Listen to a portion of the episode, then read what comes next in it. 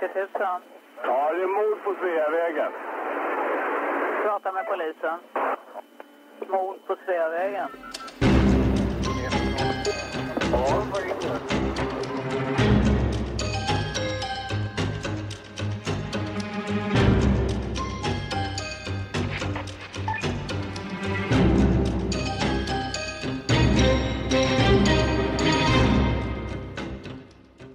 Og hvis der er en organisation, jeg ikke havde lyst til at se ham i, hvis jeg gerne ville være sikker på, at man kan sove godt om natten, og at stater ikke laver kup på sig selv, og at konspirationer ikke findes, og at det her mor ikke er stort og uhyggeligt, så var det en anden end den organisation, vi skulle have fundet. Du lytter til det hemmeligste af det hemmelige. Et program om den kolde krigs hemmeligheder.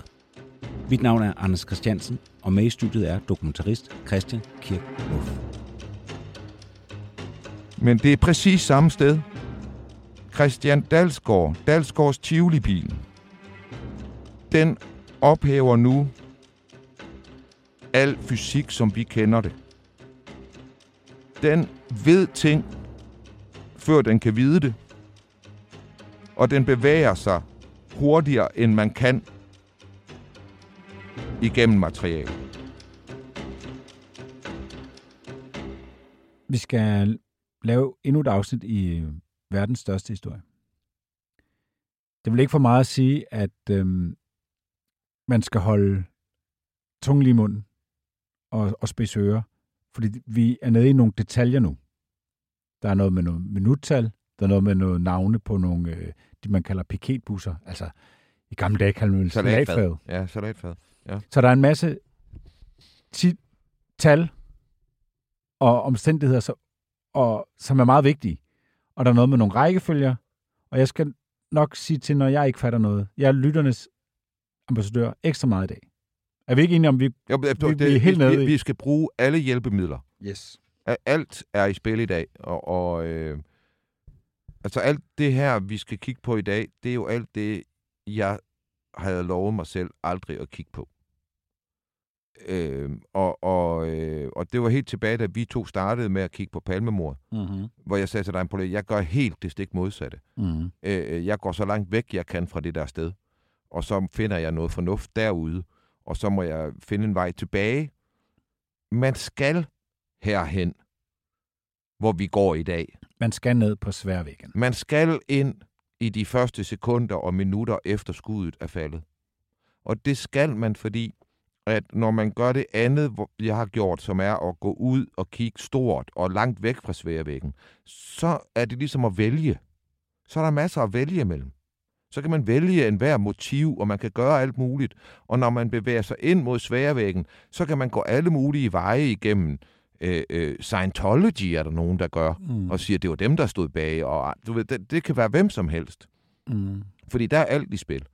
Men når man kommer helt ned i sekunderne og minutterne efter mordet, så er der noget data. Og vi, der er nogle ting, som vi ved. Og der er nogle ting, som er postuleret. Og der er nogle ting, som vi har opfattelsen af. Mm. Er på en bestemt måde. Og det er ikke til forhandling. Det er sådan, det er. Så den teori, man måtte have, den skal man kunne se i det data. Mm. Men jeg skal også lige spørge lidt mere til formålet med det, du skal i dag. Fordi vi kommer ned i noget, hvor det kan handle om, hvem gjorde hvad lige det sekund, og, altså nogle, hvor man kan sige, at det er nogle små detaljer. Hvilken blanket til hvilken blev brugt til hvad, og bla bla bla. Hvad er egentlig formålet med at, at sidde og nærstudere det her? det er, at vi har i verdens største historie fortalt, eller en, vi har en hypotese, som vi forsøger ligesom at sandsynliggøre. Og der har vi kigget på, hvordan der er en øvelse på Gotland, der er, ser ud til at bestå af militærfolk, elite militærfolk og elite politifolk, og noget, som kunne have noget forbindelse til noget stay behind måske. Mm. Øh, øh, og at da de mennesker forlader Gotland samme dag, som Palme senere skal blive skudt, så er der nogle af dem, der tager til Stockholm, og så forsvinder deres alibi. Mm. Og så er det faktisk lidt omstridt, hvad de laver øh, øh, frem til senere på natten eller næste morgen. Øh, og vi har set, hvordan den samme gruppe af, øh, af folk, der tager fra Gotland og ind til Stockholm, de er forbundet med folk i Stockholms politi, som er nogen, vi allerede havde set på i anden sammenhæng, men som vi nu kunne binde sammen med Gotlands fortællingen. Mm. Det er Per Arvidsson, som var politiets ekspert på våben. Mm. Det er ham, der har fundet alle våbnene til øvelsen på Gotland. Mm. Men det er også ham, som samme dag mordet sker, besøger politimanden Østling, som er central blandt de politibetjente, man kan kalde elitebetjentene i Stockholm. Baseballligaen. Østling, der har ladet sig udskrive for hospitalet, som vi forestiller os, den her aften kunne forløbe, så kan han have haft en rolle, hvor han har siddet derhjemme, han er blevet opereret nogle dage før, øh, og lader sig selv udskrive om eftermiddagen fredag, og så kan han have siddet derhjemme og have været radiocentral for den øvelse, som vi forsøger at vise foregik inde i Stockholm den aften. Fordi det er jo det, der er teorien her. Det er, at der den 28. februar, da Palme bliver skudt, er det, der hedder en kubforsvarsøvelse i gang i Stockholm. Ja, det er blandt andet et tip, som, som Palme efterforskningen får. Det får de meget, meget tidligt, mm. men så forsvinder det. Mm. Altså, det bliver ikke registreret, og det er først 30 år senere, man finder det frem, dybest set jo.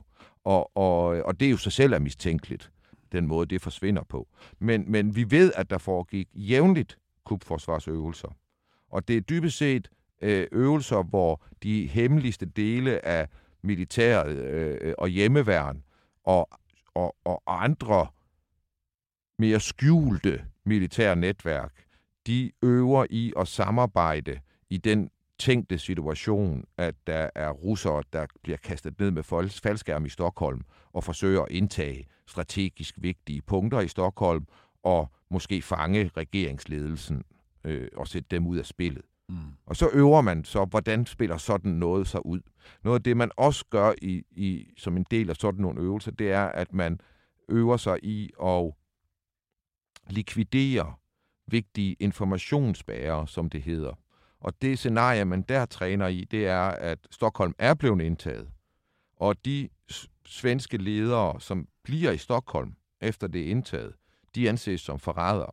Altså dem, den, den del af den politiske elite, der ikke flygter, når russerne kommer, de samarbejder med russerne. Og de har jo viden om det svenske, den svenske stat og system, der kan være gavnligt for russerne. Så det kan være i svensk interesse at likvidere dem, når de lever i et russisk besat Stockholm. Og så laver man øvelser, hvor man træner i at overvåge vigtige informationsbager, og hvor man træner i at likvidere dem. Mm. I et samarbejde mellem elite... Så er der ikke mere for den statsbetalte 25 øre. Efter 24-7's lukning er Det Hemmeligste af det Hemmelige blevet en podcast, du skal betale for. Gå ind på hjemmesiden dethemmeligste.dk og læs mere om, hvordan du fortsat kan lytte til Det Hemmeligste af det Hemmelige.